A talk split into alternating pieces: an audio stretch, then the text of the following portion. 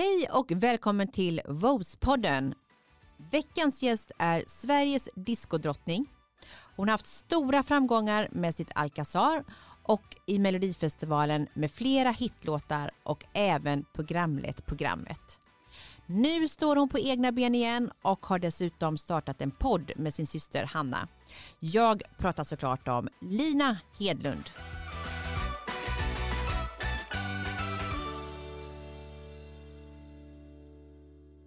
Varmt välkommen till Vobes-podden Lina. Tusen tack. Hur är det med dig? Jo men jag tycker att det är en bra dag idag. Jag känner mig lite sådär halvtrött. Men det är nog för att jag har för lite att göra. Ah. Ju mindre man har att göra desto segare blir liksom tempot i ah. kroppen Varför och knoppen. är det så?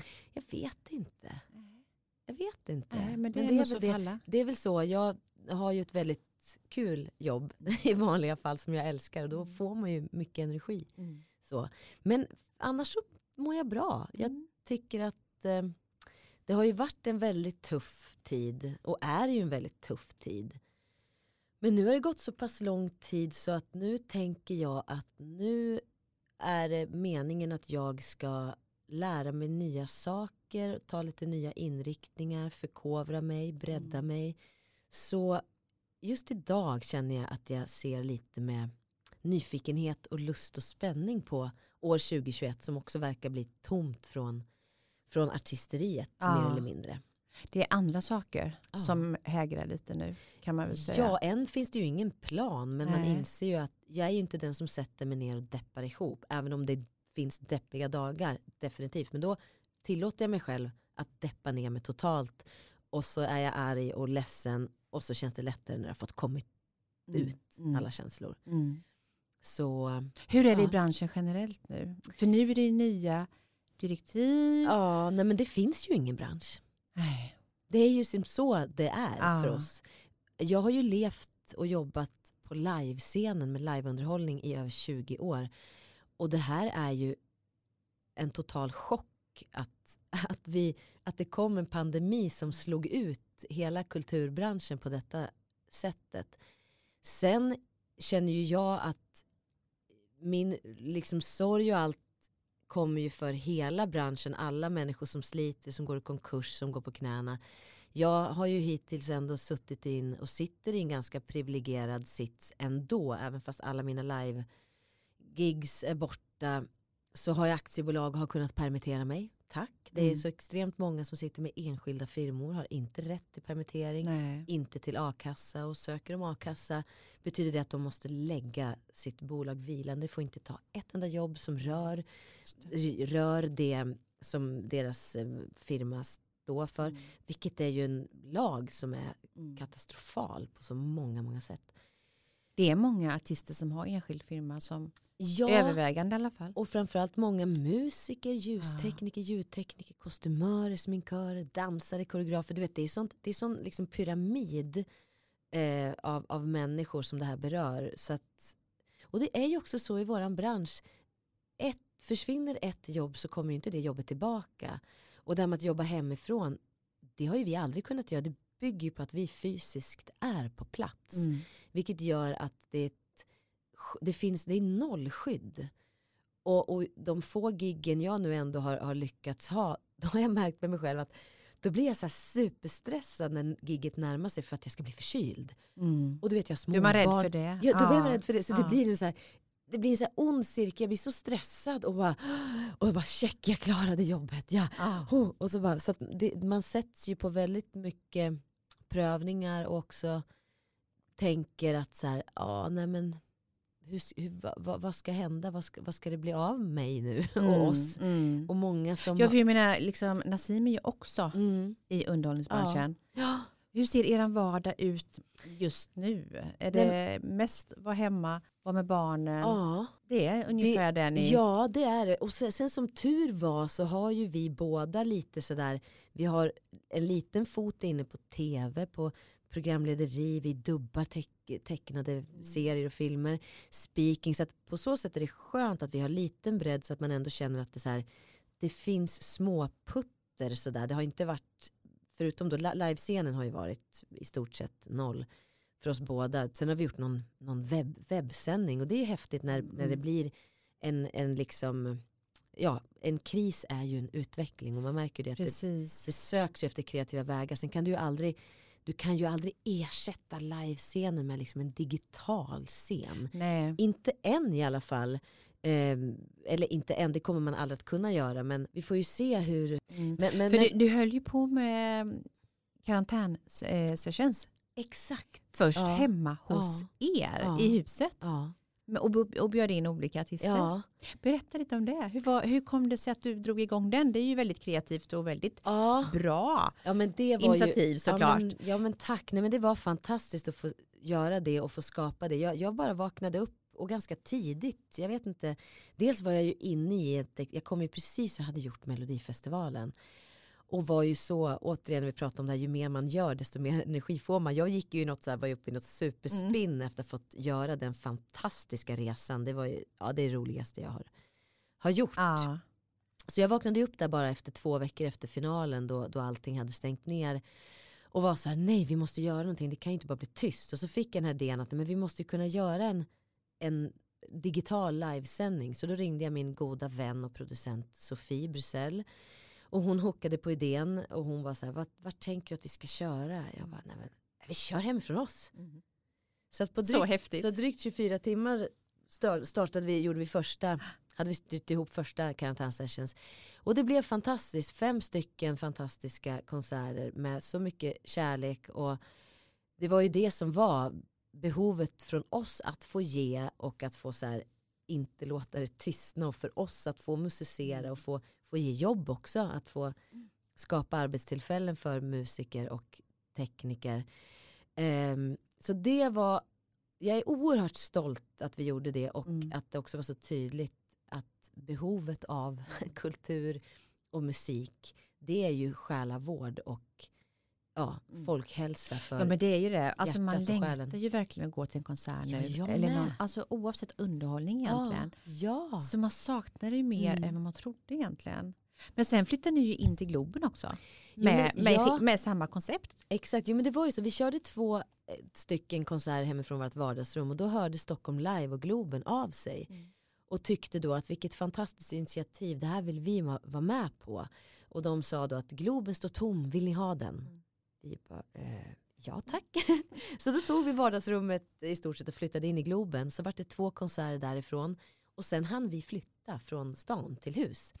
Så sista konserten då, då körde vi hemifrån våran altan i vårt nya hus. Eh, och det var på mors dag och då bjöd vi även in, fick man no nominera tre stycken som jobbar inom sjukvården som fick komma live ah. på plats och sitta, just för att det var utomhus då också. Kul. Gjorde ju att det var coronasäkert. Ah. Så det kändes magiskt och jag har ju haft en dröm sedan dess också att, att få göra mer karantänsessions. Sen blir det en ekonomisk fråga. Mm, som inte är lätt. Nej. Finns det någon där ute som vill sponsra? Ja, men så står vi redo. Nej, och men... du, du pratade lite grann om att man kan ju utveckla detta också. Mm. Vad tror du? Har du tankar? Liksom? Ja, men för kan... mig tror jag också, det jag också älskade med det här var att det vart ett rum för oss artister som har jobbat så länge där det blev liksom det här jammet. Man fick lite grann komma tillbaka till varför man började med det här jobbet av lusten till musicerandet. Eh, och att det inte heller byggde, man, man, gick tillbaka också till det här, det, var, det här lilla tv-formatet. Nu är alla produktioner väldigt stort tv, väldigt maffigt och mycket mm, och kan mm. finnas en distansiering kanske. Vilket är ju också fantastiskt tycker jag. Men det som hände med karantänsessions var tror jag att vi kom från vardagsrummet och kom verkligen flyttade in till folks vardagsrum. Och det var liksom raggsocka och det var inte mycket smink och ljus utan ett men sån lust och glädje till musiken. Mm. Och när vi körde sista karantänsessions då hemifrån huset, då var det ju så häftigt. Då var ju Dr. Alban där och Malena Ernman och Carola och Magnus Karlsson. Och det slutade med att så spontant blev det att Dr. Alban hade mig och syrran Hanna, Malena och Carola på kör. Och när får det så hända? häftigt. Ja men det var så häftigt ah. och alla var så glada och det var ett sånt här, och då kände jag att det här finns det också någonting som som vi har kanske tappat när man också kommer upp på en så professionell nivå. Att bara få Lite lusta. avskalat också. Avskalat, ja. här och nu, ja. jammigt. Så att min, där finns det ju någonting som jag också önskar att, gud det här att få, få göra mer av det och jag märker själv hur jag, jag trivs extremt mycket i att vara det och få vara lite spindeln i nätet också. Få stå där och presentera på dessa fantastiska artister och sen få kliva bak och lägga liksom en stämma och musicera. Jag tycker det är så oerhört, mm. jag, jag, känner mig så extremt tillfredsställd i det. Mm. När man gör det här tillsammans, det här teamworket. Så att, ja. ja, kul. Mm. Och det slutade ju faktiskt med att du blev ju nominerad. Ja. I Rockbjörnen ja. för eh, årets eh, musiksignativ. Ja. Fantastiskt. Helt galet. Ja, nej, jag är, nej, kul. Ja, det var, ja, det, nu när man tittar tillbaka, för nu, nu känns det som att jag tittar tillbaka lite och bara wow vad fint det blev och tack vare att alla artister ställde upp och att vi, att det var så många som verkligen bara körde på. Jag älskar att få omge mig med doers som mm. bara gör. Mm. Jäklar vad kul det blir då. Jag har dåligt tålamod. Ja. Så det var så härligt att få, och lika att det blev någonstans att pandemin där i början gjorde ju också, det var liksom ett undantagstillstånd för alla mm. så att alla bara liksom, ja, la in allt det de hade på något mm. vis. Jag tänker på äh, andra äh, artister i branschen. Mm. Har de gjort mycket liknande? Jag tycker inte man har märkt så mycket i alla fall. Ja, vissa har man ju Danny gjorde väl någonting ja, va? Danny gjorde ju en, han, han körde också en konsert i Globen. Ja. Jag tror att han, han hade bokat den redan också, ja, skulle ha kört det. sin show där just i just datumet. Mm. Sen vet jag att, nu kan jag ju bara titta jag bara på vissa av oss som var nominerade då i den här kategorin, Årets musikinitiativ, så var det ju, då var ju Danny nominerad och vi, och så var det ju Smith Tell som också gjorde någon så här fantastisk takkonsert uppe på utanför SÖS för vårdpersonalen. Mm, just det. Eh, och vilka var det mer? Ja, men det har varit några ja, som, som, har gjort sådana där. Som liknande. Har gjort, ja, ja, precis. men det, jag tror säkert det kan utvecklas Ja, men det är min alltså, förhopp ja. Fast det kommer vanliga eh, konserter och eh, ja. vanliga gig sen för er så, ja. så tror jag också att eh, det kan bli att man utvecklar det och kanske kan ta betalt för det också. Ja, och, så, och det var ju också det i början efter vi hade kört första konserten så var ju, fick vi massvis med människor som bara åh vart, vi vill, vart kan vi swisha, vart kan vi göra, vi göra med det här? Och jag var så här vi kan inte öppna ett swishnummer, jag vet inte vad jag ska göra. Då vill jag så få skänka vidare. Alltså det är mycket ja, det kommer mycket juridiskt och sånt med det också. För jag hade någonstans så här, åh fantastiskt om det kunde växa, om man kunde starta en fond som kunde, skulle kunna stödja kulturarbetare. Precis. Men då kommer det ju mycket med det också, om man behöver stöd och hjälp. Um, men jag vet ju att det har ju, Malmöoperan har gjort något fantastiskt där Sanna Nilsen spelar ju eh, Funny Girl där nere och de mm. säljer ju digitala biljetter mm. så man kan köpa en digital biljett för 100 kronor, sitta hemma och se den livestreama direkt och det är ju fantastiskt. Mm. Att det finns ju sådana möjligheter. Sen vet ju jag, är ju inget tekniskt geni så jag vet inte hur svårt det är att göra en sån grej. Men i allt, allt ah. går. Ja allt går. Jag vill. tror inte det är så svårt faktiskt. Nej, och nu med tanke på att vi går in nu 2021 och inser att det här kommer att hålla i sig förmodligen till, ja, till hösten 2021 i alla fall. Beroende på hur lång tid det tar för ett vaccin att komma. Och man förstod ju efter, eh, mm. efter presskonferensen här att ja, men allt ingenting kommer ju att ändra sin handvändning och framförallt i våran bransch det är ju extrema, alltså det är, vi pratar ju månader i att mm. så här, göra, liksom sälja biljetter till ah. en föreställning bygga upp det. Det, det, det är mycket inte, inför, lång tid inför. Det är lång mm. förberedelse och som det är nu också produktionsbolag går i konkurs, mm. producenter, det är ju det är mycket att bygga upp efter det här alltså. Det är det. Det är så att jag kan känna att man, man blöder för alla och alla teatrar och konserthus som står tomma och som mm. bara kostar pengar. Alltså, det går, har gått så fort mm. till en katastrof. Det gick och, väldigt, väldigt snabbt ju. Ja. Du var ju ändå en av de artisterna som ifrågasatte lite ju kring mm. hanteringen mm. av just kulturbranschen mm. och eh, framförallt mot kulturministern mm. Amanda Lind mm. där du krävde lite mer tydlighet och svar. Hur togs det emot ifrån dem? Eh, från dem, eh, jag vet ju att Amanda Lind i alla fall nämnde karantänsessions eh, som ett fint initiativ, vilket jag tycker är fint. Sen så har jag, tror jag att jag har fått mycket positiv respons från mina kollegor och vänner i branschen för att jag kände det att jag, och det, jag tycker jag står för all min kritik helt enkelt. Mm. Och, och jag tycker att det är väldigt märkligt. Eh, det tog för lång tid innan, innan, innan de gjorde sig hörda. Och mm tryckte på liksom den här katastrofen som skedde för hela kultursektorn. Det har också varit väldigt, eh, väldigt olika, det har varit inkonsekvent, det har varit väldigt Olika bud hela tiden. Ja men olika bud också att man drog åt. Vi fick aldrig möjlighet, vi försattes ju med näringsförbud, fick ju aldrig någon möjlighet att kunna göra en omkonstruktion att ta in på ett coronasäkert sätt publik utan man totalt ströp och satte bara 50 personer mm. som en gräns och that's it. Mm. Och där hade väl jag känt att vi hade en hel sommar framför oss där man var utomhus och hade kunnat, vi gavs aldrig någon möjlighet eller chans att kunna få göra eh, som, som inom andra sektorer då där man, där man fick en möjlighet. Jag tänker så fortfarande är det så att alla ja, mm. köpcenter och kollektivtrafiken. Det finns ingen jag, direkt begränsning där. Nej, och, nej. Så att det, var, det var väldigt orättvist. Och jag tänkte faktiskt på det då när man var på någon strand och det var, ja, alltså nej, men, det var ju så mycket folk så att man kände herregud. Ja. Och sen då ganska tydligt och, och skarpt mot ja. er i kulturbranschen. Ja, men, och, sen, och sen tror jag att det, det, det är också så här, man, man, man kände det att så här, det varit så tydligt att man inte har en inblick i hur våran bransch fungerar. Mm.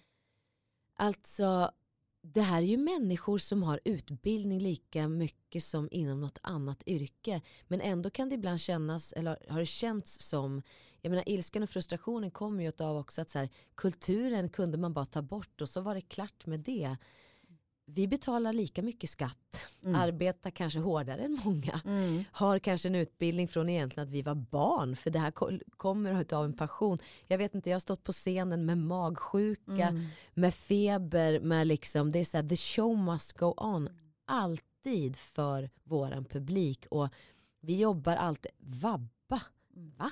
Har jag vabbat? inte vabbat en enda dag i hela mitt liv, för vi, det, det är liksom att vi skulle vara borta borta och sjukanmäla oss från vårt jobb, det är så noll liksom, på den. Mm. Till då att vi ställs inför att vi inte får jobba. Och återigen, det här handlar ju inte om att vi vill ha någon smittspridning. Ingen vill ha smittspridning. Alla vill vi, vill vi arbeta för att motverka en, att den här pandemin får liksom löpa fritt och att smittspridningen eskalerar. Men det var väldigt liksom inkonsekvent mm. att vi bara var tvungna att mm. kliva av. Kliva av ja. Um, och, det, det, och inte fick några svar heller. Inte fick några svar. Jag vet folk som har och, och, när man också jobbar då som kulturminister tänker jag, då, då, då är man ju vårat språkrör, vårat ansikte utåt och det tog ju ett halvår innan Amanda Lind sa mm. någonting. Och det tycker jag är nästintill genant och extremt märkligt äh, hur man jag tänker att man har ju ett driv inom och ett, så här, ett kall och ett så här, jag måste uttrycka mm. mig, min frustration över hur, hur, hur, hur det här är för alla kulturarbetare. Mm. Och när det uteblev så tror jag att, att man kände att förtroendet lite grann så här, nej, mm. det där det blev ett svek lite grann ja, i, i situationen. Ja. ja. Eh, så, så. Och, och, just det här att det är ett sånt kretslopp inom våran bransch. Att alla är så beroende av alla. Det går liksom rakt ner. Eh, det finns en sån fin film som bland annat en ljudtekniker som heter David Granditsky. Som också har varit väldigt, pratat väldigt mycket om det här. Han har gjort en fantastisk film som visar just det här kretsloppet som är, som är som är så, så tydligt talande och som jag tror att ingen riktigt förstår hur, hur beroende så många människor är av mm. varandra. Och, att, och så tänker jag också det här med, med tänk hur många texter och toner som liksom har räddat liv genom åren mm. för människor. Visst är det så. Um, det är ju extremt viktigt att kulturen får fortsätta finnas för, mm. för människor. Framförallt i en kristid. Ja, ja. Då behöver vi lyftas och få, få möjlighet att försvinna bort mm. i, i musikens och teaterns liksom värld mm. på något vis. Och, och jag tänker också att det jag kanske önskade där eh, redan i april också att man kanske då från ett regeringshåll faktiskt pratade om lösningen och möjligheten, att man tog upp det. Varför, varför har man inte sett en debatt på tv Nej. om kulturen? Ta upp det, diskutera högt. Finns det möjliga vägar? Försök liksom hjälp oss att hitta nya möjligheter. Alltså, arbeta för oss, med oss. För mm. om det är några som verkligen bara har klivit tillbaka och så här, gjort sitt så är det ju vi. Precis. Vi har ju ställt oss så här, okej, okay, vi har inte försökt hålla konserter i smyg för att försöka få det Vi har ju verkligen bara så här, okej, okay, vi, vi, vi tar vårt ansvar direkt. Men vad får vi då tillbaka i hjälp? Folk sitter ju... Mm. Var kan folk få stöd? Det sitter folk på ett, som på ett halvår inte har fått något ekonomiskt stöd. Nej, Nej men det är ju fruktansvärt. Ja, det, är fruktansvärt. Det, är där, det är där det måste jobbas på att rädda människor. Jag har som kollegor som får gå och panta burkar. Ah. Vi har också... Och det bara den här alltså, alltså, depressionen kommer. Det mentala, ja. ja det mentala. Och, ofta, och oftast är vi ju som i många branscher att man jobbar inom samma bransch mm. som par. Och vi har fortfarande barn att försörja. Vi har höga bostadslån som alla andra som jobbar med andra yrken. Våran vardag ser inte något annorlunda ut än vad Nej. andra människors vardag gör. Vi har precis samma ansvar. Mm. Och har barn som går på skola och mm. förskola och, och vi behöver överleva och ha mat på bordet. Mm. Så, så det där är också någonting, så här, vart, att det måste ekonomiskt stöd mm. till kultursektorn. Precis, men eh, det måste ju ändras liksom. Ja men det måste Regelverket ju det. Ja. på något sätt där. Ja, och jag tänker det är också så här, ah, ni får jobba med något annat ett tag. Ja, men, men absolut, det kommer jag ju behöva göra för att jag måste ju se till så att mina barn och vi i familjen överlever. Och jag har ingen prestige att inte kunna göra något annat.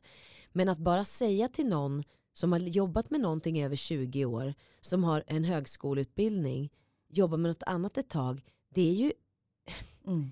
det, det, är våran identitet, det är våran passion, det är det här jag kan. Mm. Eh, och vänd på det, säg till någon, hör du lär dig musik nu på en månad, hör, mm. jobba med musik ett tag.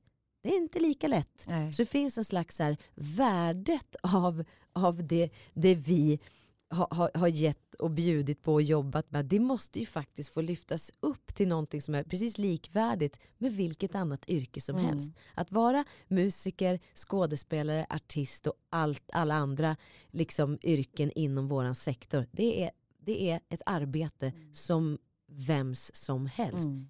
Skillnaden kanske är att vi jobbar lite mer. Ja. Nu utan att förringa något annat men så här, tänk, gud, man har fött barn och lagt barn och sen har jag börjat sminka mig och åkt iväg och ställt mig på scenen ja, och så ja, gör man visst. promotion som inte ger något betalt ändå. Nej, liksom.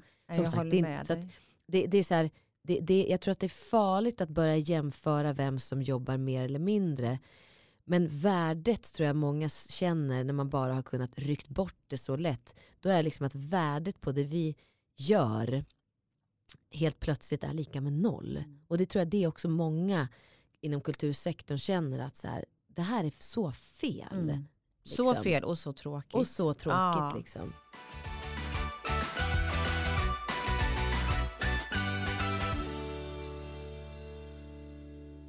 Det har ju varit som sagt var mycket lugnt nu då för mm. er artister. Men jag vet ju att eh, du och Hanna, mm. din syster, ja har ju börjat med, med podd ja. under den här tiden. Ja. Och det kanske du inte hade gjort Nej. om det hade varit som vanligt. Du har helt rätt. Ja. Det hade vi inte gjort. Nej.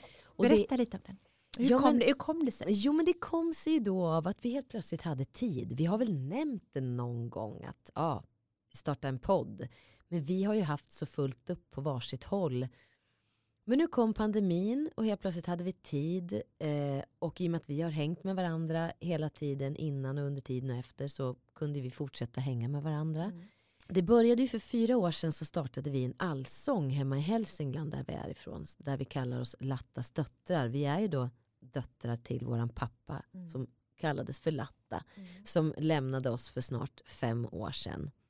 Och då startade vi den här allsången sommaren efter att han hade gått bort allsång för hela familjen med Lattas döttrar. Mm. För pappa var ju då musiker och älskade allsång och mm. att musicera tillsammans. Eh, och det här har ju blivit en sån fin tradition där hela vår familj är, mm. är med. Våra barn säljer popcorn och godis och alla kommer upp och mm, sjunger en allsång och våra ja. män är med. Och det har blivit en jättefin grej som, som har blivit årets höjdpunkt.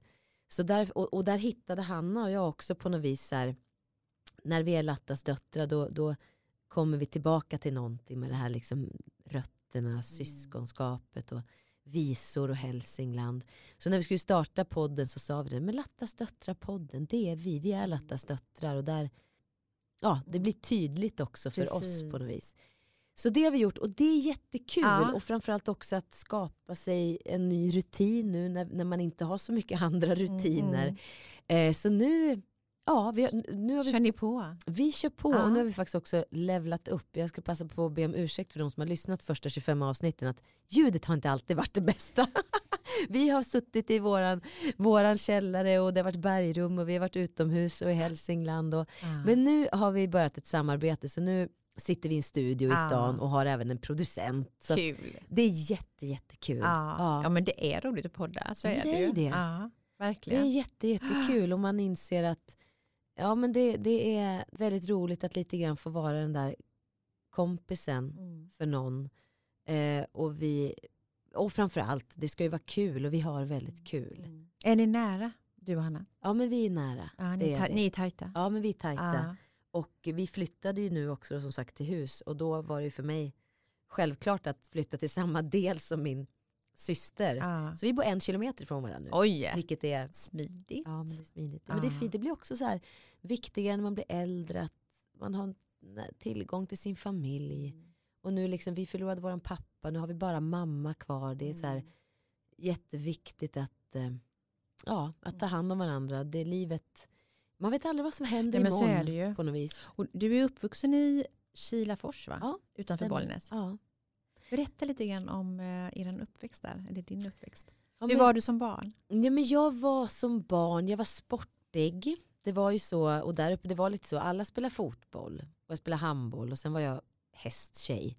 Jag älskade att vara i stallet med hästarna. Och, eh, det tog ju mycket tid och eh, jag var ganska blyg. Liksom, eh, jag tror nog att jag, jag var nog inte så blyg kanske med mina vänner och, och så. Men, men, eh, men jag var blyg. Eh, sen vände det i tonåren. Mm. och nu som vuxen känner jag mig inte blyg. Men däremot Nej. så kan jag ha, jag har ett stort behov av att få vara själv. Ja. Eh, men kan det ha med yrket att göra lite kanske med? Ja, det kanske det har faktiskt. Eller att man är väldigt, ja, många ja, människor så, runt. Ja. Jag älskar ju att ha mycket människor runt omkring mig men jag är också viktigt att få, få, få, få tid för mina egna tankar mm. och, och så. Mm. Och där är ju ridningen fortfarande, det, det blir min liksom meditation mm. på något vis. Du rider fortfarande? Så, så mycket jag kan, nu har jag ridit väldigt lite senaste åren men ja. jag ska faktiskt iväg i veckan och rida. Ja, nu har jag kul. bokat in mitt pass för att jag vet, det är min liksom andra passion efter musiken. Ja. Jag älskar de där djuren och det är enda gången då jag sitter på hästryggen lite grann då jag kan släppa allt mm. annat. För när du sitter där på hästryggen så måste du mm. ha full fokus Du där. stänger av hjärnkontoret lite? Ja, totalt. Och ja. det är så skönt. Ja, det, så det blir min meditation på det ja, sättet. Vet du vad, när jag stänger av hjärnkontoret enda gången, det är mm. när jag målar väggar. Ja. Hemma, när jag får för mig att nu vill jag måla om. Ja. Eh, Men det känner jag också igen då, lite grann. Ja, och när jag målar, och man får resultat också. Precis, då mm. stänger jag av liksom hjärnkontoret. Mm. Det är ganska skönt. Det är så viktigt att hitta de där grejerna, för det där är så olika. Mm. Vad, man, vad, man, vad som är avslappning. Mm. Men det är väldigt viktigt och då, det känner jag nu som sagt att vi flyttade till hus. Åh, jag mår så bra av det. Mm. Nu, nu känns det ännu lyxigare att få komma in till stan för jag vet att jag får komma hem och bara vara mer i lugnet, att vakna upp och kunna kliva ut och höra fågelkvittret istället för motorbrus. Jag är så tacksam och glad ah. för det. Och att kunna ge mina barn gräs under fötterna. Liksom, och det är väl det, det är Kilafors-generna som pockar på. Ja, att man vill ge kanske det man själv fick. Det är klart. Det är klart. Så att, eh, och din pappa, han, han var ju musiker då som du sa. Ja. Han måste ju ha verkligen överfört det här med musiken ja. till både dig och Hanna egentligen. Ja. Jo, har, ni, det... har ni underhållit tillsammans någon gång? Med pappa? Blev det av att ni gjorde det någon gång? Ja men någon gång var det ja. så och Hanna var med, hon sjöng med pappa för min, min pappa var ju franska och engelska lärare mm. eh, som han jobbade med. Sen har han ju alltid då musicerat eh, liksom på, på fritiden och så och sen hade han även startat en verkstad på senare åren och, och, en, och lagade instrument. Eh, och startade liksom Kilafors storband. Det är ganska coolt att göra det med tanke på att ett samhälle med 2000 invånare med omnejd. Men Hanna sjöng med pappas jazzband från att hon var 8-10 år någon gång sådär. Och det var ju alltid musik hemma. Jag var lite mer att jag, levde då i stallet när jag var, var, var liten. så och, Men det var ju alltid musik och man sjöng mm. i kyrkokören och vi spelade piano och trombon. Pappa var ju, spelade trombon och banjo. Eh, det var inte alltid kul att spela trombon utan då, det, var, det var så stort instrument. så jag vet att jag var så här: nej kunde han inte ha spelat tvärflöjt? För lite så var det. Ja. Det var liksom inget alternativ Nej. till instrument utan det var trombon. Ja. Och det kan jag väl tycka både plus och minus. Jag, att man kanske mer hade fått välja själv. Men idag kan jag önska, jag fortsatte inte med trombonen. Nej. Jag har trombonen hemma fortfarande ja. nu. Och har den framme så att mina egna barn kan, kan spela. Testa och, mm. Eh, och nu idag kan jag väl känna att nej vad coolt det hade varit att varit Karin Hammar som är en av våra största mm. trombonissor. Att kunna spela på riktigt. Men mm. jag valde ju sången och showeriet istället mm. om man säger så. Nej men så det var jättemycket musik hemma och även mamma sjöng ju i kör och gillade liksom Beatles och rockmusik och alltså rock'n'roll. Liksom. Säger man så? Ja. Så det var mycket musik hemma och pappa satt och spelade med mig och Hanna och mm. man spelade även i amatörteaterföreningar. Det var, det var rikt kulturliv där uppe i, i Hälsingland Härligt. överlag. Uh. Så att jag är otroligt tacksam för det. För musik är ju fantastiskt. Mm. Men gick ni, eller du, med någon musikskola sen då, eller hur? Ja, när jag skulle börja gymnasiet så hade precis estetiska linjen börjat ja. i Bollnäs. Det hade bara funnits i ett år. Mm. Så jag sökte in och kom in där och det var ju tre stycken fantastiska år i gymnasiet alltså. För det fanns så mycket resurser, det var fantastiska lärare, det var, jag är otroligt tacksam för estetiska linjen på Torsbergsskolan i Bollnäs. För det, det gav mig jättemycket. Och det var där, när jag började där, så kom, jag kommer så väl ihåg att jag fick den där att det är det här jag ska göra. Mm.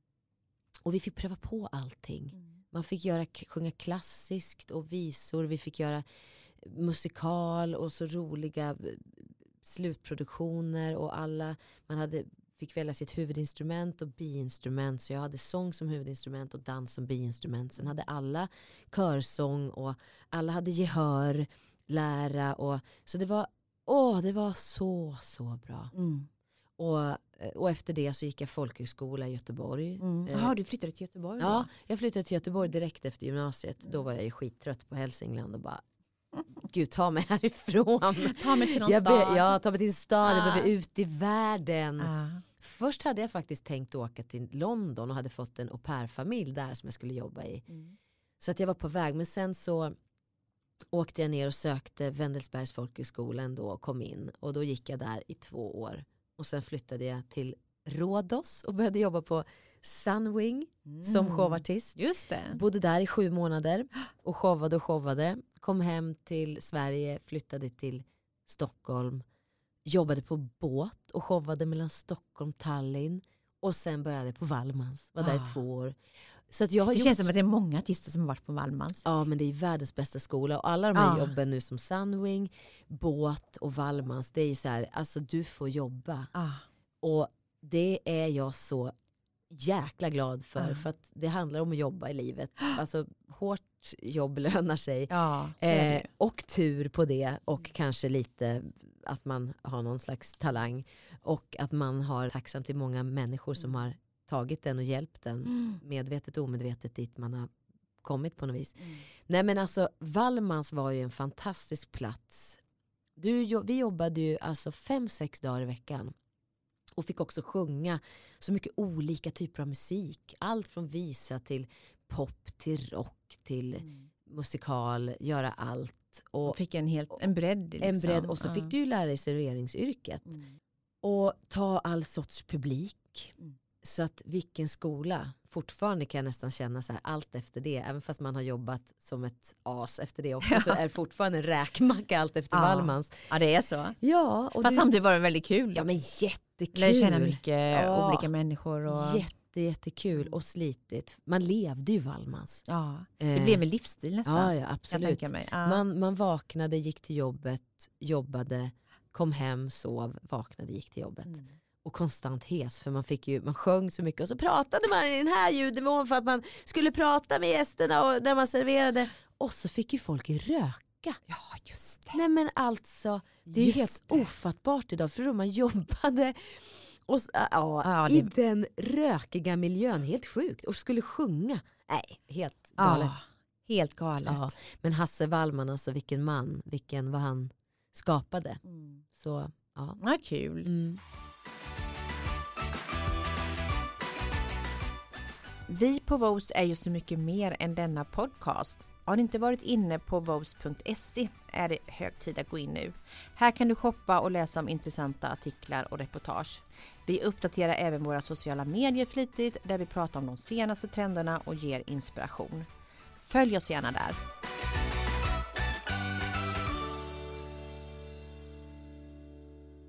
Var det 2002 du var med i Melodifestivalen? För sen så var du, ju- körde du lite solo Ja, ett precis. tag där ju, ja. efter det. Ja, Och sen så gick du upp med Hanna på scenen på Melodifestivalen exakt. 2002.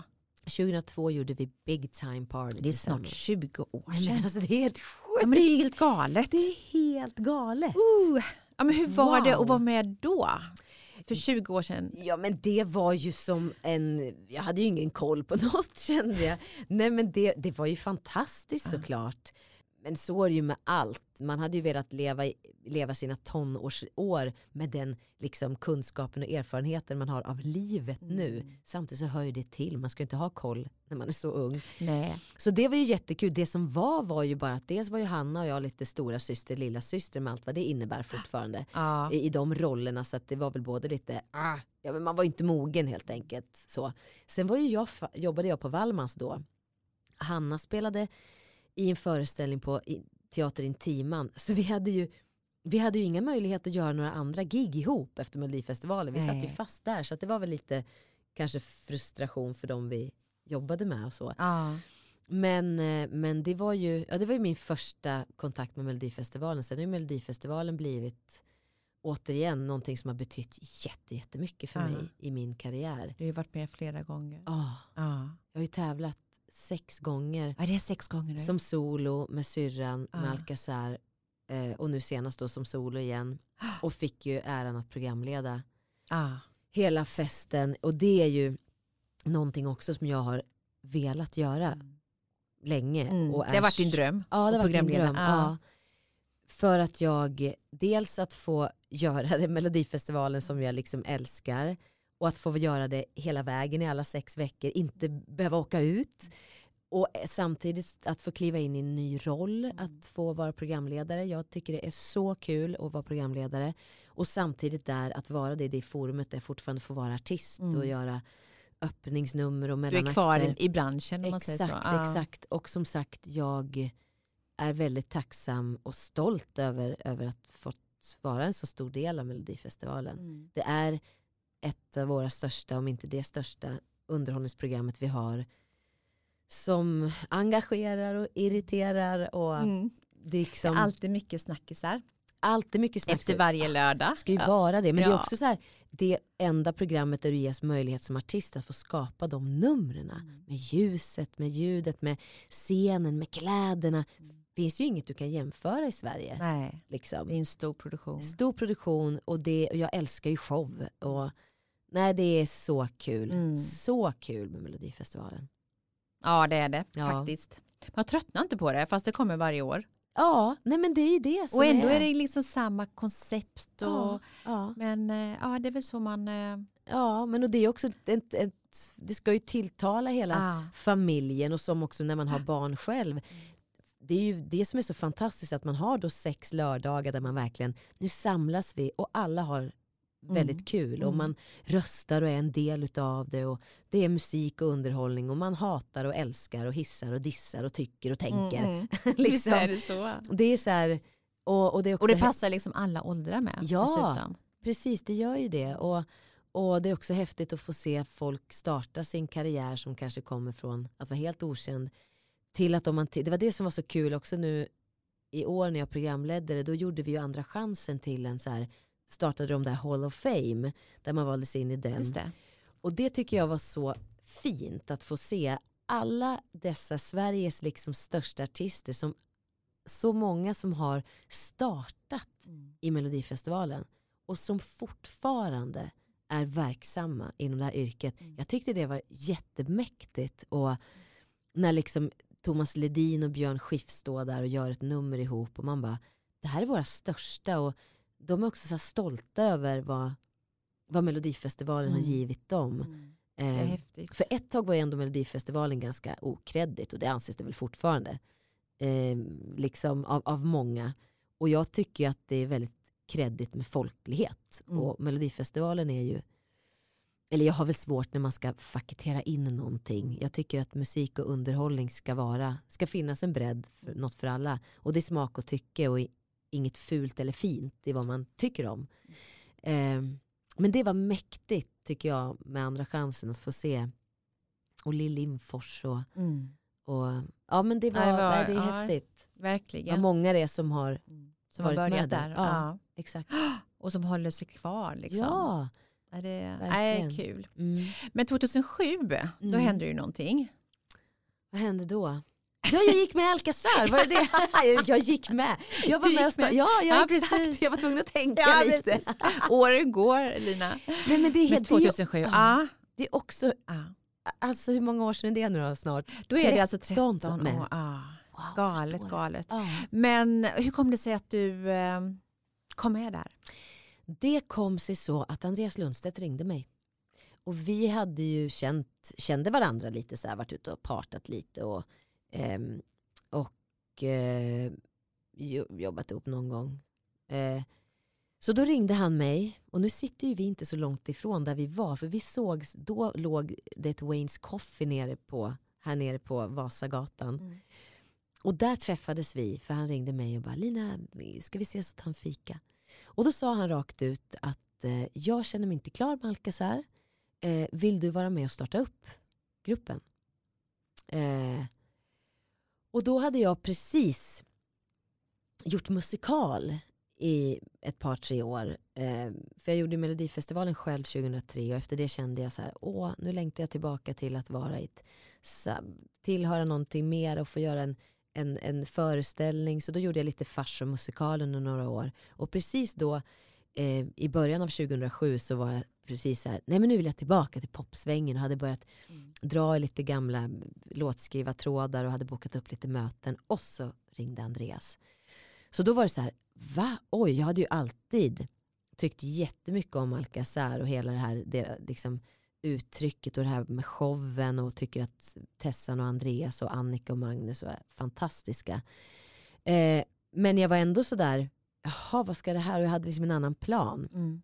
Och då gick jag på fika med min goda vän Anneli Rudé som jag Mm. precis hade gjort en musikal med. Jag frågade henne bara, Anneli jag fick precis en förfrågan hon var men kör, kör. Och så sen i samma veva så blev Alcazar inbjudna till London eh, för att göra en, en, en kväll på en anrik klubb där som heter GAY. Eh, det var liksom någon slags hyllningskväll tror jag till Alexander Bard. För Alexander Bard var ju en del av Alcazars start Mm. där i början och skrev bland annat Crying at the Discotheque som var ju den låten som det startade med ute i Europa. Det är en historia för sig. Eh, men i alla fall, och då, då var det, fick vi tillfälle då att också se vad kände Tessan och jag och Andreas över det här, alla, alla tre tror jag. Ja. Så vi åkte över till London och fick ju ett fantastiskt mottagande av publiken. Ehm, och när vi satt på planet hem så sa vi att Nej, men okej, vi, vi kör. Mm. Och sen släppte vi vår första gemensamma singel i februari 2008 som var Keep on Rocking och då gjorde vi den på QX-galan kommer jag ihåg. Mm. I lånade kläder av underbara Lars Wallin. Ehm, och, sen Och det så, var ert första uppträdande i... det var, tror jag var vårt första tv-framträdande. Mm. Sen var ju ändå liksom själva liksom, ja, genombrottet för oss tre, eller genombrottet med våran så här, vårat fönster där vi fick presentera det nya Alcazar som Mm. oss tre, det var ju ändå med Stay the Night i Melodifestivalen Mm. 2009. Just det. Där det gick, där kom vi ju, tre, nej femma kom vi då, men det var ett fantastiskt år. Det, vi var, och vi hade ju, vi fick ju, då fick också för första gången Alcazar barnpubliken. Eh, och vi hade våra liksom neonfärgade kläder, vi hade liksom flört med Mm. 80-talet. Och jag älskar fortfarande Stay the Night som låt. Och jag vet att vi, det året var vi den tredje mest spelade låten på radio i Sverige och vi giggade ju som sjutton. Alltså vi flög ju plan mellan giggen för att hinna med, liksom så här miniplan. Vi hade en fantastiskt år. Mm. Eh, och där tror jag också för mig var det, då- var första gången som jag kunde börja känna att jag börja, kunde börja kalla Alcazar för mitt. För att nu hade vi, kom vi med den här nya låten som var Ja. våran hit, liksom, Stay the night. Så att, och sen blev ju det då 11 år. Ja, det blev ju många, Ah. många år. Ja. Och ni, alltså, ni var ju ute jättemycket. ja. Vi har ju träffats innan du och jag Lina. Har vi det? Ja. Nej, du måste Jo. påminna mig. När då, vad då? Men jag har ju suttit eh, mycket med, eh, alltså jobbat med media och eh, event. Ja, ja men det, jag tycker att jag känner igen dig. Ja, Var har vi träffats? Flera gånger har vi setts ja det har vi. Det har vi. Fan vad bra Ja. att du påminner mig. Nej men det var, eh, nu ska vi se här, Falkenbergs strandbaden. Ja. Marbodal. Ja just det. Ah. Vilket år pratar Och- vi? Åh, Hade jag någon bebis med mig? Nej. Nej. Nej. nej, när var det? Kan det ha varit för kanske fem år sedan? Säkert. Ja, strunt samma. Och Ja. sen var det också i, eh, på ett annat större eh, Ja. event också. Ja. Du, ser vi har tvek, du ser tveksam ut. Var det okej det vi gjorde? Jo, ni var ju superduktiga. Ni var ju superduktiga. Verkligen. Jag bara tänkte på vart det var, men det kom Ja. jag på. Ja. Mm. För det var i Jönköping. Ja. Mm. Mm. Men du har ju varit överallt. Så ja det, men är, vi har ju varit, ja, det är ju men svårt att, att placera alla ja, gig ni har ja, gjort. Ja men det är det ju. Men, Men, men, eh, det var så alltså det som var så fint med Alcazar också, dels att vi, alltså vi fick ju alltid vara festen på alla gig, vilket var så skönt för oss Mm. också. Vi klev ju på och, och körde vårt set med liksom hits, igenkänning och show och paljett. Så att det var ju alltid, och även om man hade någon trött dag eller så här, åh men det är tungt. Jag tror jag aldrig tyckte att det var, jag, jag tyckte liksom aldrig att det var tråkigt att göra ett gig med Alcazar. Nej, nej. För det var så mycket kärlek Ja, men och ni, energi. och det är, ni ger ju verkligen järnet och ni får med publiken. ja. Alltså, jag har ju ändå bokat ganska mycket olika Mm. artister. Men jag kan Mm. säga att alltså, ni är ju en av de få som bara, alltså, det är ju explosion Mm. direkt. Mm. Och det är så häftigt att se.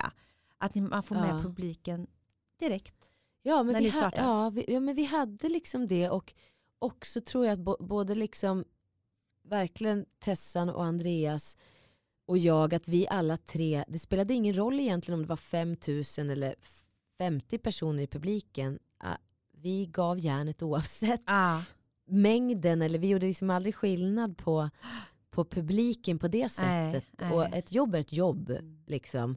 Och att vi också ville hela tiden bevara någon slags kvalitet på Alcazar genom att aldrig så här, äh, nu bara knixar vi av det här jobbet.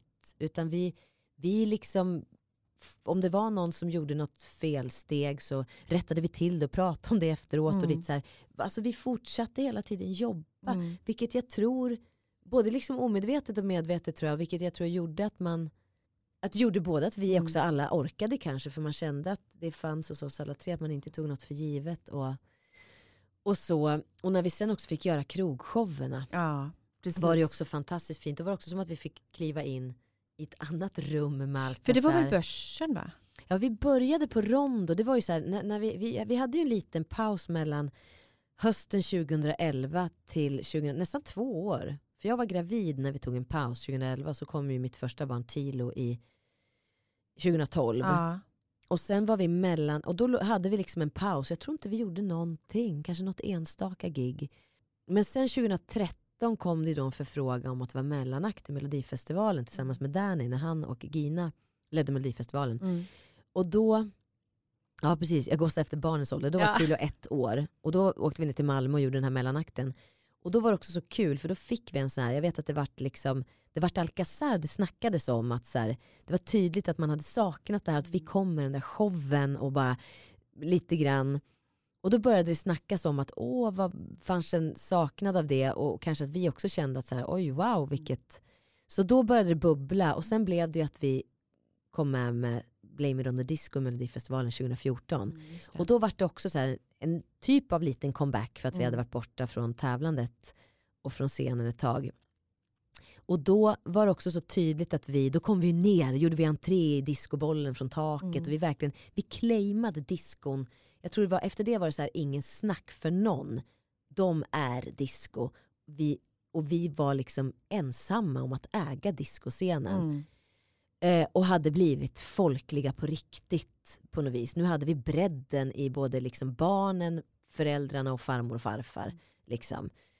Eh, och vi kom trea det året. Mm. Eh, och, det var, och sen då fick vi ju, började jobbet med att, eh, så typ, nej, typ ett år efter vi hade gjort Blame It så hade vi premiär på vår första krogshow mm. på, Rondo, på Rondo i Göteborg. Göteborg då ja. Mm. Rondo, älskade Rondo, världens bästa krogshowscen. Och det här blev ju också, äh, det blev, var ju helt magiskt. Så då körde vi hela våren på Rondo för utsålda hus. Det blev ju en succé. Ah. Och sen så flyttade vi till börsen på hösten 2015. Sen körde vi turné våren 2016 och kör, flyttade in igen på börsen hösten 2016. Ja, ni körde ganska länge Fy, där. Två år, fyra ah. säsonger. Och jag hann ju få till barn också. Emellan? Emellan, ah. ja på, ny, på nypremiärsdagen på börsen på hösten föddes han. Nej. och det visste vi alla. Jag blev ju gravid där på, ja, jag var ju gravid när vi var ute på turné under våren. Ja. Så, så fort jag blev gravid så ringde jag producenterna och bara jag vill bara att ni ska veta att jag är gravid. Men så löste vi det, så sa vi det. Men då var ju vår fantastiska körtjej Anna-Lena Björklund, om du hör det här, vilket jobb, älskar dig. Ah. Hon repades in så att vi, hade, vi löste det liksom inom ensemblen. Eh, så jag stod ju och körde genrep med den här magen och allt var så här, jag ville hoppa på det så fort jag bara kunde mm. efteråt. Så han kom där på den 6 oktober på morgonen eh, och vi hade nypremiär på kvällen då. Då hade jag stått och kört genrepet på natten innan, eller kvällen innan. Och du kände ingenting? Eller jag hade, gått, du... hade gått över en vecka och jag körde ah. bara mitt solonummer där jag stod stilla och sjöng en låt rakt upp och ner för jag ah. kom inte in och kläder heller såklart. Eh, men då var jag så här, nej men nu får du vänta, nu vill jag ju stå på premiären och ja, få göra den här precis. låten. Men han bara, nej jag ska ut, lilla premiärlejonet. Ja, så då kom han, men sen så hade vi ju, gick ju allting så bra, bebisen mådde bra, jag mådde bra. Så efter två veckor var jag tillbaka på börsen. Mm. Och då hade vi en tjej som var backstage i logen mm. och höll honom varje föreställning. Och för mig var det ju bara så skönt att få gå iväg och få vara mm. med min andra familj och att han kunde vara med mig och Eh, jag hade gjort 120 föreställningar. Ja, det, var, ja, men det är väl lyxigt att kunna ta med, lyxigt. ta med liksom ah, honom dit. Ja, och få också slutföra ja, hela. Eh, så eh, så att det var ju lyx. Och mm. sen så Ja, sen så kom ju hela 2017, då hade vi varit borta från liksom företagsgigsmarknaden. Mm. Så då giggade vi som attan på det. Och sen kom ju då 2018 som blev vårt sista år. Mm. Och så sa vi hej då på nyårsafton för, ja i år är det två år sedan. Ja men precis. Mm. Hur kom det sig att ni bröt upp? Eh, ja, den, den sanna, sanningen är faktiskt att det kom som en selling point. Vi ville göra en till show. Mm. Och då kom det lite som en selling point från produktionsbolaget som kanske inte riktigt, ja de behövde något mer för att mm. sälja biljetter tror jag. Mm. Såklart så funkar det ju. Det, ja. Eh, och det landade väl liksom lite olika hos oss tre. Ja. Tessan kände sig ganska klar. Alltså så här, reflektera, 20 år. Jo, för vi fyllde, Alcazar fyllde 20 år då, 2018. Ja, mm. För mig var det inte 20 år då, riktigt, eftersom jag inte var med under de allra första åren. Men så vi tog det beslutet att nu, nu får det vara så. Och vi gjorde då en farewell tour mm. hösten 2018. Mm. Och jag, och då... Men var ni klara alla tre? Om man nu tänker, om vi ska prata lite ärligt här. Om vi ska vara ärliga så var det splittrade känslor i gruppen. Det var, vi gick ju i gruppterapi till och med. För att liksom, vilket är ju det bästa vi gjorde då för att så här, hålla ihop. Och sen vill inte jag prata för någon annan än mig själv. Jag tror jag kanske stod någonstans mitt i, så här, dels hade jag, jag, min känsla var att Eh, jag hade nog haft det under åren också, att så här, en ödmjukhet inför att en dag kommer ju Alcazar att ta slut. Så, så är det ju med allting. Mm. Och då är det något annat som ska få ta plats. Och jag, har också, jag hade ju också gjort saker innan Alcazar som solo och kände att en dag kommer jag att vilja göra det igen och det kommer att bli så. Mm. Så jag hade ju både liksom egna tankar och idéer som, så när väl beslutet togs, i början var jag så här, va? Men ska vi det? Eh, men sen när det landade i mig så kände jag, ja men vad va, va spännande, nu är det dags för någonting annat. Mm. Och det kändes också väldigt fint att vi som grupp tog det beslutet än att vi slutade med att jobben började sina. Ja. Utan nu fick vi avsluta med... På topp kan man ju säga. Vi fick avsluta ja. på topp i glittret och lämna det där. Och det är jag så oerhört tacksam och stolt över att vi gjorde också. Och sen när vi var ute på turnén där 2018 då fick jag ju Victorious. Mm låten till mm, mig. Mm. Så när vi väl slutade så visste, så visste jag att jag var aktuell med Victorious Melodifestivalen vilket ju också var så skönt och viktigt för den låten var också en så fint utträde ur Alcazar. Jag tog på något sätt med mig det, vart, det var lina men ändå liksom en låt som lite så budskapet mm. satt hand i hand med vad vi liksom stod för med Alcazar mm. och men, och, och, och det blev en förgrening nästan. Det blev en förgrening ja. och för mig också jätteviktigt att på en gång få visa, här är jag på egna ben och att det gick så bra. Jag är ju extremt tacksam och glad mm. för det. Ja det var ju jättebra nummer. Ja men Verkligen. tack, ja, jag är jätteglad för, det, för den. Och eh, budskapet. Och liksom. budskapet, mm. det var ju det. För, för jag hade ju också en, en tanke, nej, men så när den kom till mig så var det så en gång, jag lyssnade en refräng och en en vers och en refräng och ringde direkt till skivbolaget. Jag bara, alltså ja. Och lät Nassim få höra den och han bara, men gud vilken låt. Jag bara, ja den, den hade den, ja. Det kändes helt rätt för mig att göra då. Mm. Där och då. Och, och mm. ja. Jag tänker, men ni har kontakt idag? Eh, vi har inte daglig kontakt, Nej. det har vi inte. Och det är inte så att vi umgås och träffas. Nej. Men det finns inga hard feelings. Nej. Men jag tror att vi alla tre behövde också en så här, alltså det är så, så mycket som vi sågs och hängde ihop och satt, liksom Alcazar var ju våran vårat barn som på något sätt plötsligt växte upp och skulle flytta hemifrån och mm. flyga iväg. Eh, och det tror jag vi också behövde flytta ifrån från mm. varandra ett tag. Men alltså vad, gör, rent... vad gör de idag? Andreas har varit mycket i Grekland ja. med sin man vet jag. Mm. Och han skulle ju också göra musikal nu när allting sket sig. Så jag menar, alla sådana har ju ställts in. Tessan sänder ju mycket radio på Star FM mm. och har ju också en, en barbershop med sin familj, ett familjeföretag. Mm. Och jag tror att hon också har utbildat sig till yogalärare nu, alltså, tror jag. Mm. Så jag hoppas och tror och, och sist jag träffade alla, liksom, vi stötte på varandra för inte alls så länge sedan, så känns det som att jag tror att alla alla mår, mår bra mm. och det hoppas jag och vill att alla ska göra. Mm. Um, och jag tror att alla, det är ju så att, att, att vara i en grupp också, det är ett enormt ansvar. Och vi har nog alla tackat nej till saker under åren. Om jag bara ska prata för mig själv så har jag fått förfrågningar om musikaler till exempel genom åren. Och ibland har man känt nej och ibland har man känt åh det här hade jag velat göra. Mm. Men då skulle jag, tackar jag ja så säger jag nej till Alcazar. Mm. Jag sätter ju också några andra människor då i en mm. märklig situation. Alltså det är val att ta. Och jag tror att det har vi alla gjort under alla år med Alcazar. Vi har verkligen satt Alcazar i första rummet. Och det måste man om man ska vara, mm. ha en grupp. För mm. annars så funkar det inte. Annars så finns inte gruppen och det blir väldigt svårt. Det blir ju det. Eh, och, det känns som att det var ett det blev ett naturligt avslut. Ja, det alltså blev om man det. fick känna efter ordentligt. Ja, och jag tror att så här, det, nu gavs det också möjlighet för saker som inte hade varit möjliga när man var i grupp. Och jag tycker själv, det är så skönt att få tänka på, nu kan jag bara alltså tänka vad jag vill. Att jag bara mm. får tänka på vad Stå jag vill. Stå på egna ben nu. Så, ja, och också här, nu har jag bara en familj jag mm. behöver bolla med. Det är min familj där hemma, mina mm. barn och min man. Som det är just nu under mm. rådande tider. Var hemma med barnen också ja, en del nu ja, men då. Precis. Och också som sagt, det är ju så, alltså till slut kunde man ju den där diskobollen för väl. Och det är inte bra i längden heller, att Nej. man behöver ju få utmana sig, utvecklas lite. utvecklas och få, så att vi, vi la av i helt rätt tid. Jag är så tacksam och framförallt väldigt glad att liksom, kanske också att liksom Tessan framförallt sa jag är klar först av oss tre. Mm, mm. Eh, och det är jag jättetacksam för.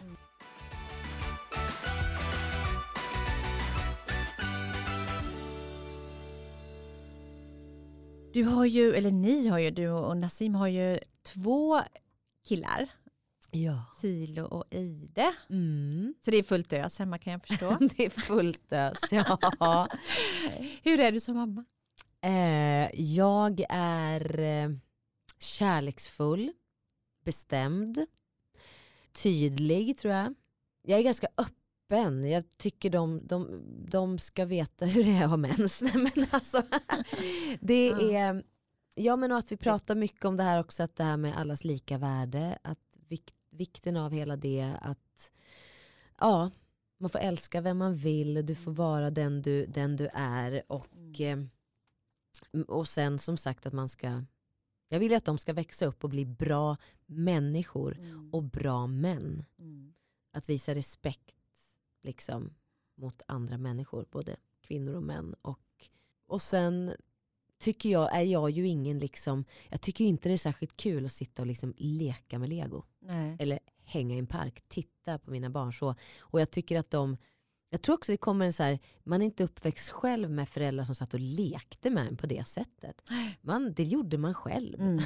Ja. och det märker jag att jag, att jag kämpar lite med sådär, vilket jag, för det, det är ju lite annan tid nu, men där är det skönt att vi har flyttat till hus. Där tycker jag att jag upplever att så här, där kan man mer såhär bara, mm. men ut med er, mm. ut och hitta på något. Mm. Lö, lös det, lätt, det, det blir lättare. Lite, det blir lättare ja. när man bor i lägenhet.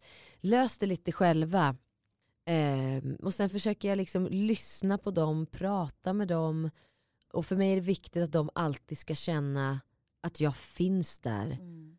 Eh, liksom, att de ska kunna känna att, självklart att jag är en vuxen, att jag är förälder, men ju äldre de blir, att de, jag, jag hoppas och vill att de ska kunna känna att de känner en tillit och kan våga prata med mig. Mm. Liksom. Mm. För det känner ja, jag att jag har vågat göra med min med mina föräldrar, med min mamma och, och så. Mm. Och sen också att man så här, följa sitt hjärta och mage. Gud vad, vad långt svar det här blev. Ja.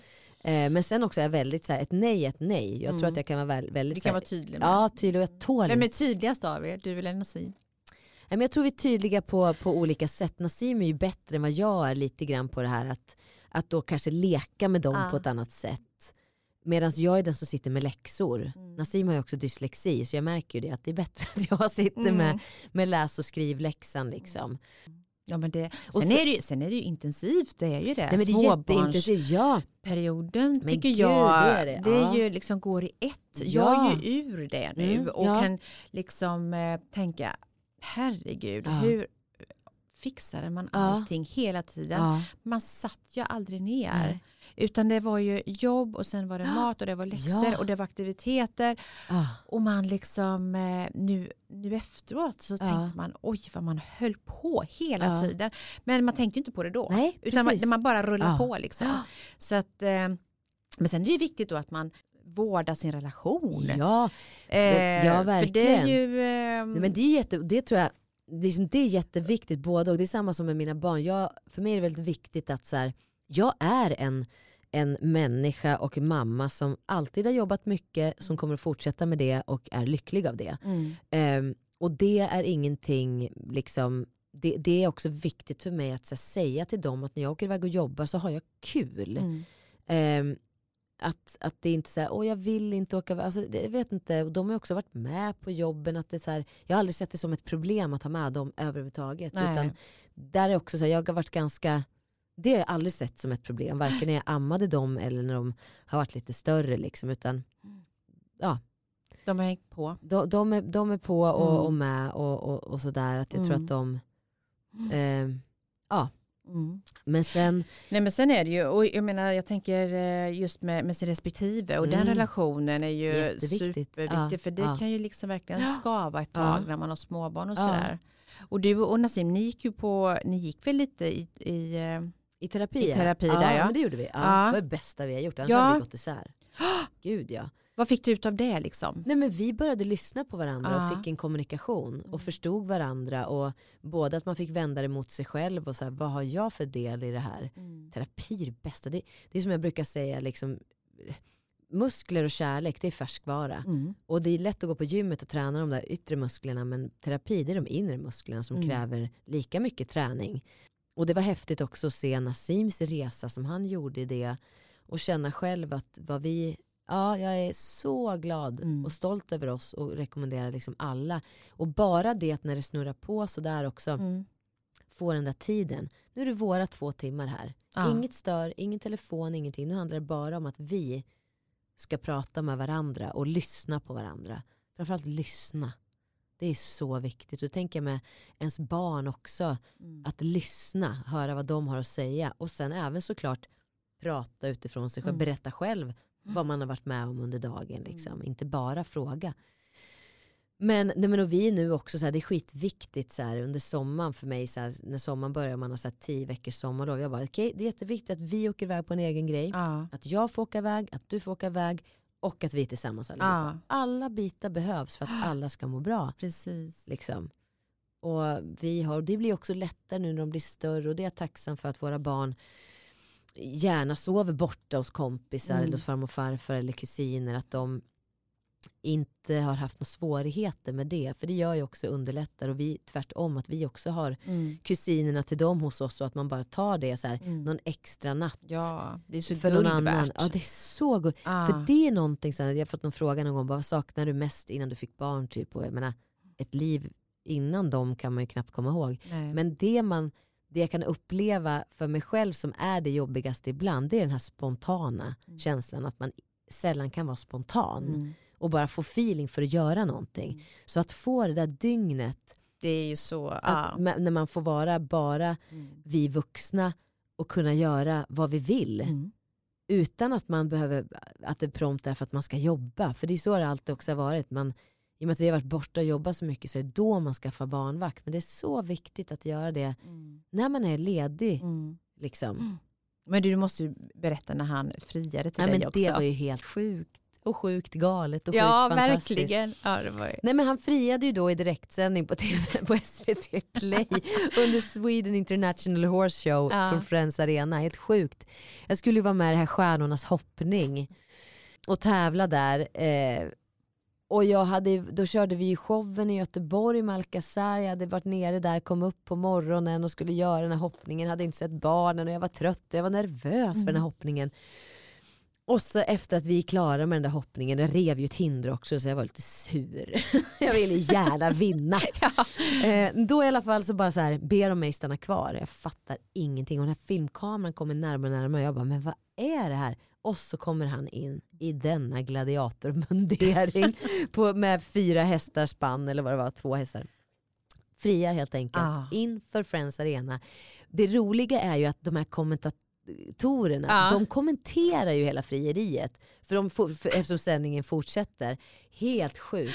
Ah, och där och då måste jag ju erkänna att jag var lite chockad och glad är inte rätt ord utan jag var mer så här, nej men gud det här är ju jätteprivat liksom. Ja. Sen morgonen efter var jag också trött och spänd och så mycket som hade släppt efter den här hästhoppningen. Ja. Morgonen efter då liksom tittade jag på mitt finger och bara, ah. men vad gjorde han? Det här är ju helt sjukt. Ah. Så häftigt. Och att han gör också där bland hästarna ah. som han vet att jag liksom älskar. Och, äh, det var väldigt fint. Är han en romantiker? Ja det är han på det här sättet. Mm. Det är han. Mm. Sen ska jag ge en brasklapp att han är sjukt dålig på att klia mig på ryggen och det vet han att jag älskar. Det, det lyser med sin frånvaro men jag får lösa det på annat ja, sätt. Ja precis, precis. men han är världens bästa, ja. det är han verkligen. Kul. Mm. Du, när kommer bröllopet då? Ja det är ju det som är frågan. Ja. och nu i den här tiden så kan man ju inte riktigt se framför sig Nej. att man ska planera en stor liksom bröllopsfest. Och det vill man ju ha. Mm. Och nu känner jag också att ungarna är fyra och åtta blir mm. de två år äldre, ja men då kommer de att komma ihåg bröllopet och det är kanske är det som är tricket. Mm. Så att vi får se. Det blir väl inte på ett år eftersom det är en pandemi Nej. vi lever i och det får vara så. Det får vara så. Ja. Man, man sitter inte själv i båten. Det är så många andra ja. som har tankarna ja. på att gifta sig. Ja.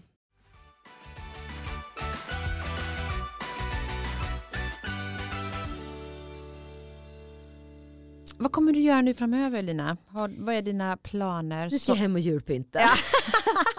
Nej men det, huset har ju också varit en räddning för oss i allt det ja, Vi är så mycket hemma och fixa och dona. Ja, så vi ska hem och tapetsera lite mm. grann och renovera källaren. Är det någonting som är klart som du kan prata om? Eh, nej, det kan jag egentligen inte säga. Eh, jag håller på med en liten egen föreställning som tanken var att jag skulle lägga all fokus på det som är mer eh, där jag tolkar två stycken av våra stora kvinnliga artister. Men det får jag berätta mer om sen. Och det är ju mm. nu, nu i och med att man inte kan ha något mål med det så är det svårt att så här, så att egentligen är det ingenting som jag vet. Det är mer att så här, jag ska spela in, göra en liten grej på SVT. Eh, det är bara liksom en dag. Jag har gjort ett litet samarbete med ett hudvårdsmärke som jag inte har gjort innan och det är lite mm. roligt. Sådär. Kul. Mm. Eh, och eh, nej men mera så här, ja vi, vi får se vad, vad 2021 har i sitt. Men jag jobbar ju också ständigt på i huvudet så vi är på möten och lite sådär. En ma massa idéer. Ja. Sen vad som blir och när det blir. När det faller ut ja. Precis. Det är svårt att liksom säga för nu är man väldigt så här. Fortsätter ju podda såklart. Ja. Det gör vi ju. Vi fortsätter podda på Lattas döttrar-podden, jag och mm. syrran. Mm. Det vet vi i alla fall. Mm. Ehm, och ehm, ja. Får vi se vad som ja. händer. Exakt. Men eh, om vi tänker ett steg framåt då, mm. när den här tråkiga pandemin är över. Mm. Vad har du för drömmar då? Om du får drömma lite fritt.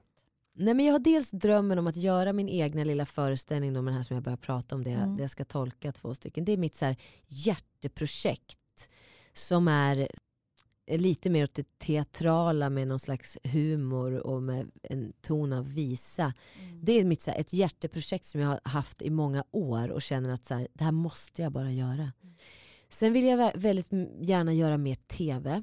Jag skulle älska att få göra ett musikprogram där jag både får vara programledare och liksom musicera eh, lite i, i liksom karantänsessions andan men att göra någon slags, alltså den typen av och sen även får jag programleda mello igen, tackar jag inte nej. Alltså jag vill göra, jag vill göra mm. allt, det är min dröm att få fortsätta göra det som jag mår bra av. Mm. Du, du, du drivs av det, att göra lite jag olika saker? Det, ja. Ah. Sen tycker jag också att det är väldigt roligt, jag har väl alltid känt att det bor liksom en producent i mig. Så att få skapa och hitta på nya grejer och få producera och vara det. Jag är inte alls främmande för det. Jag tycker Nej. det är jättekul och att få också jobba liksom mer bakom, att få lyfta fram andra. Jag har jättemycket tankar. Sen så är, betyder inte det att jag vill lämna scenen helt själv. Och sen har jag, ja det skulle vara, ja men samarbeten med andra. Alltså det finns mycket. Jag har även en liten, så här, jag började faktiskt ändå med teater någonstans, det var det jag började med från början. Så det skulle vara väldigt kul, det är en sån dröm att få spela eh, något så här kontrastiskt. Tänk få spela en så här sliten småbarnsmorsa i något så här mm. svart drama eller någonting. Mm. Det helt hade varit, annat. Något helt annat. Ja. Det hade varit så himla kul och jag tror faktiskt att jag hade fixat det. Mm. det. Det hade varit jättekul. Jag vill ju hela tiden känna att jag får kliva in i nya sammanhang men som ändå känns mm. bekväma mm. på något mm. vis. Så jag har mycket kvar jag vill göra, kan tänka mig göra.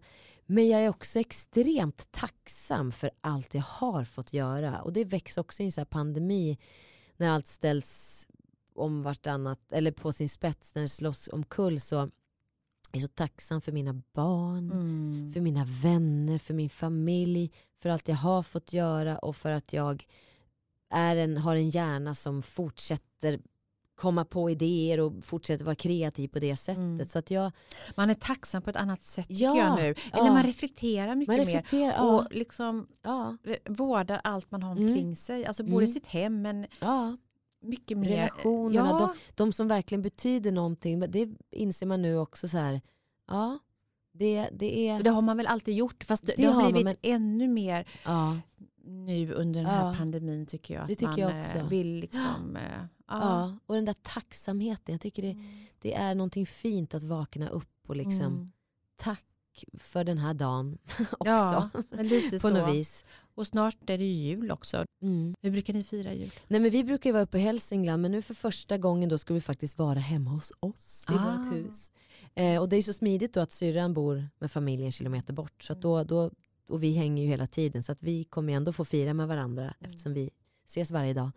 Däremot så att mamma ska komma ner då var ju tanken. Det känns som att det inte kommer att bli verklighet. Och Nej. det känns ju extremt sorgligt. Eh, det som känns skönt är att hon har sin syster kvar i Kilafors. Eh, så att hon är inte ensam. Och min moster då har ju sina barn, alltså mina kusiner här i mm. Stockholm, så det kommer vara samma för dem, att de inte heller kommer kunna åka därifrån. Nej. Och det känns skönt. Och mamma har ett stort socialt nätverk där uppe. Och det känns jätteviktigt. Hade, hade mamma varit ensam, om jag hade känt att hon var ensam, då hade det känts liksom, nej men då, då får jag ju smuggla ner henne i en kartong. Ja, ja men precis. Nej, men, Usch, nej, ja, men det, det hade ju varit hemskt ja, men det hade, ja verkligen. Nej, men så det, för nu är det ju så att vi måste ju såklart alla hjälpas åt i den här pandemin och hålla Hålla i och hålla ut som ja, Stefan Löfven vi säger. Får liksom, precis, mm. Alla får skärpa till sig under den här tiden mm. nu så att man liksom hoppas att den här kurvan går mm. neråt och mm. det fidar, fidar ja. ut till slut. Ja. Så är det ju. Mm. Du, tusen tack för att du kom förbi Lina. Tack oss för idag. att jag fick komma. Ja, så får du ha det så gott. Ja, så hoppas jag att vi ses ute ja, framöver. Det hoppas jag också. Ja. Så att det liksom... Vet du vad jag liksom- längtar mest efter just nu nästan? Mm. Det är att få gå ut och dansa med Svettig ja. på en klubb. Ja. Jag vill bara dansa. Ja, gud vad kul det hade varit. Ja, det är det man saknar. Verkligen. But I keep dancing on my own. Får vi tänka. Det får vi, vi göra. Vi får dansa för oss själva. Så ja. ja. Det kommer en ny tid efter denna tid. Det gör det.